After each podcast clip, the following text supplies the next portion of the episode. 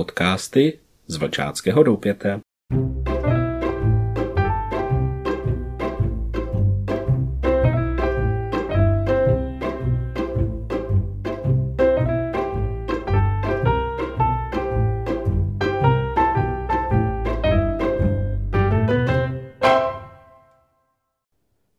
Milí posluchači, vítejte u našeho dalšího podcastu. Jak jsem kdysi slíbil, bude tento podcast o slavnostním ohni. Slavnostní oheň se zapaluje při zvláštních příležitostech. Na táboře je to nejčastěji zahajovací a zakončovací oheň, slíbový oheň nebo oheň při významné návštěvě. U slavnostního ohně platí pravidla, která je potřeba dodržovat. Chováme se tiše, důstojně. Mluvíme jen, když jsme vyzváni. Nikdy na něm nic neopékáme, nevaříme, nic do něj neházíme, ani nepálíme odpadky. Nespíváme tremské písně, k tomu je určen jiný oheň, oheň veselý. Neotáčíme se k ohni zády. Do kruhu kolem ohniště nikdo nevstupuje, jen ten, kdo ho staví. Zapaluje oheň a ohnivec. Táborový oheň vždy necháváme dohořet a následující den zbylé dřevo a popel hned uklidíme. Dalším příkladem slavnostního ohně je besední nebo veselý oheň – které jsou uvolněnější než výše uvedené. Můžeme u nich zpívat, hrát scénky a podobně, ale zachováváme obřadné zapálení a úctu k ohni. Hostům, neskautům, někdy bohužel i skautům, bychom měli vysvětlit, jak se u ohně chovat. Ohniště Ohniště se skládá ze dvou soustředných kruhů. Vnitřek ohniště zbavíme drnů a pečlivě vyčistíme. Můžeme ho vyplnit štěrkem nebo pískem. Ohniště a jeho okolí udržujeme čisté. Někde existuje zvyk položit doprostřed zelenou smrkovou větvičku na znamení, že je připraveno pro další použití. Mimo táborový kruh je umístěno pomocné ohniště. Táborový kruh. Táborový kruh je prostor okolo ohniště pro táborový slavnostní oheň. Okolo ohniště jsou v kruhu rozmístěny lavice pro účastníky a křeslo pro vůdce. Sedíme v kruhu, protože kruh je symbolem rovnosti, souladu a demokracie. Všichni se cítí součástí společenství. Za křeslem pro vůdce bývá často umístěn totem. Příprava ohně. Nazbíráme dostatek chrastí a menších klacků, nařežeme polena podle typu dělaného ohně. Zde upozorňuji, že vše musí být dokonale suché.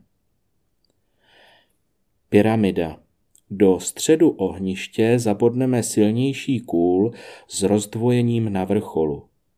Kolem naskládáme chrastí asi do poloviny výšky kůlu, potom silnější klacky a nakonec polena.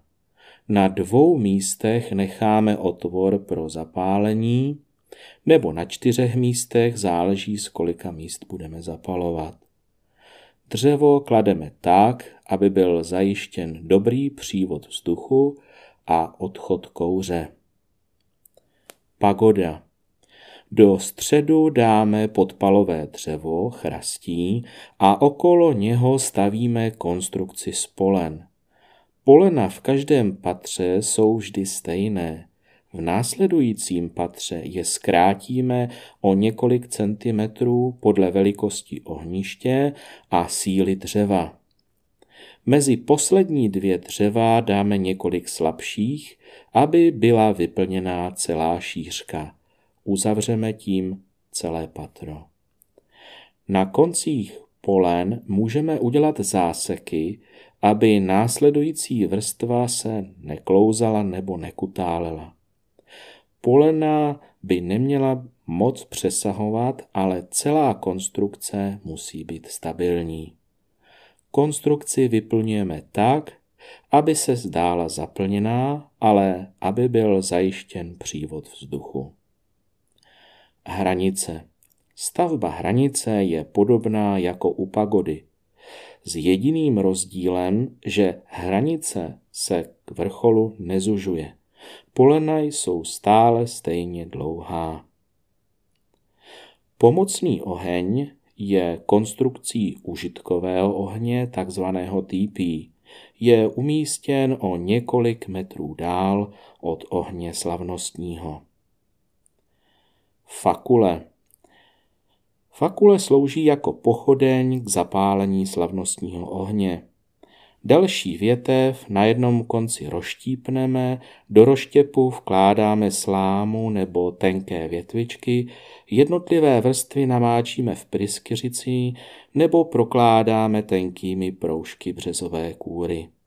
Jednotlivé vrstvy můžeme omotávat provázkem, aby fakule měla nějaký tvar. Zde doporučuji možná omotávat včelařským drátem nebo drátem podobným, aby nedocházelo k upadávání ohně po celou cestu od pomocného ohně k slavnostnímu. Pozor, pokud pryskyřici rozehřejeme, v žádném případě na ní nesaháme, bude totiž velmi horká a popálili bychom se. Na práci s pryskyřicí je dávat potřeba velký pozor. Průběh. Příchod k ohni přicházíme nejčastěji po ukončení večerního nástupu. Přemístíme se husím pochodem, to je jeden za druhým, podle povelu k táborovému kruhu. Rozestavíme se a zůstaneme stát v pozoru. Stojíme v tom pořadí tak, jak jsme přišli. Chováme se tiše a důstojně. Samotné zapálení ohně. Nejrozšířenější způsob zapálení slavnostního ohně je zapálení ze čtyř světových stran, takzvaný Dakotský kříž větrů. Tento zvyk převzal Seaton od indiánů do hnutí Woodcraft. Obřád lze samozřejmě zjednodušit podle důležitosti událostí. Určíme čtyři osoby, které postupně zapálí oheň fakulí ze čtyř světových stran. Nejprve se zapálí pomocný oheň křesáním, třením nebo sirkami. Následně se od něj postupně zapalují fakule. Zapalující postupně přistupují k ohni, v Čechách nejčastěji od východu nebo od severu, pokud bychom chtěli dodržet indiánskou tradici, tak od západu. Fakuly vloží do nejspodnější vrstvy a podle Woodcraftského zákona říkají. Přicházím ze severu a zapalují oheň síly, jehož zákony jsou. Buď odvážný, mlčenlivý a poslouchej. Po zapálení ze strany necháme fakuly v ohni a v pozoru počkáme, až se oheň rozhoří.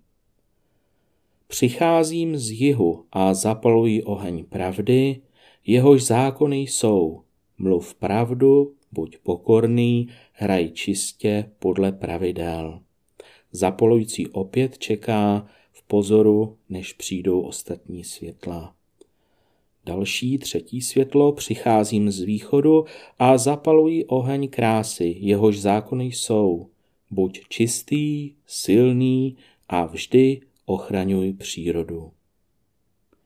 Čtvrté světlo přichází a říká, přicházím ze západu a zapalují oheň lásky, jehož zákony jsou.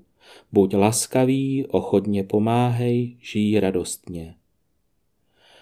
Poté se všechna čtyři světla nebo světlonoši, světlonožky odeberou na svá místa.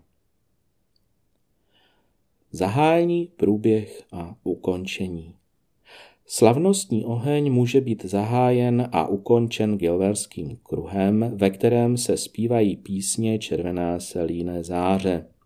V kruhu překřížíme před sebou ruce a chytneme za ruku souseda.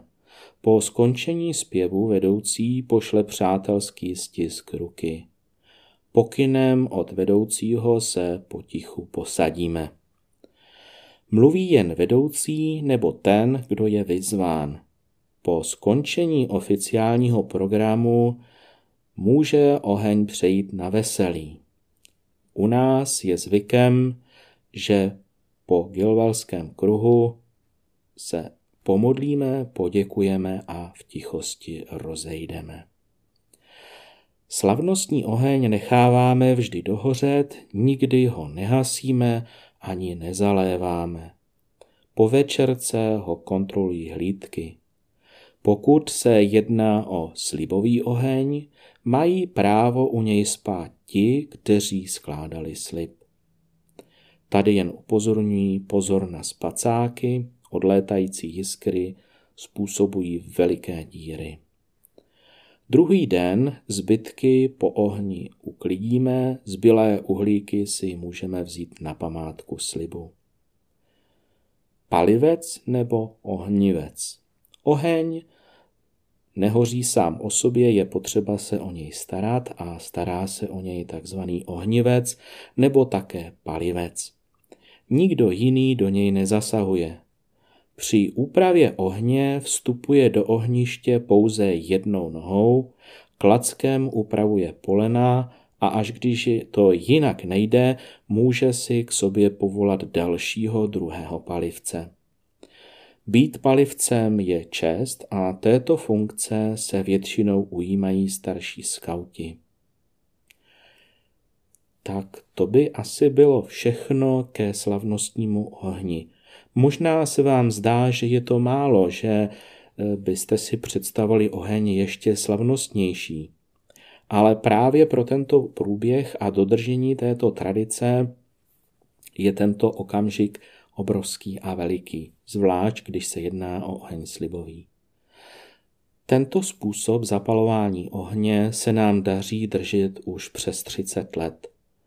Prvním, kdo tento oheň takto připravil a takto vykonal, byl bratr Antonín Souček v roce 1990 na táboře Velikého slibu u Frištáku blízko Elišky. Děkuji za pozornost, milí posluchači, a můžete se těšit na další podcast.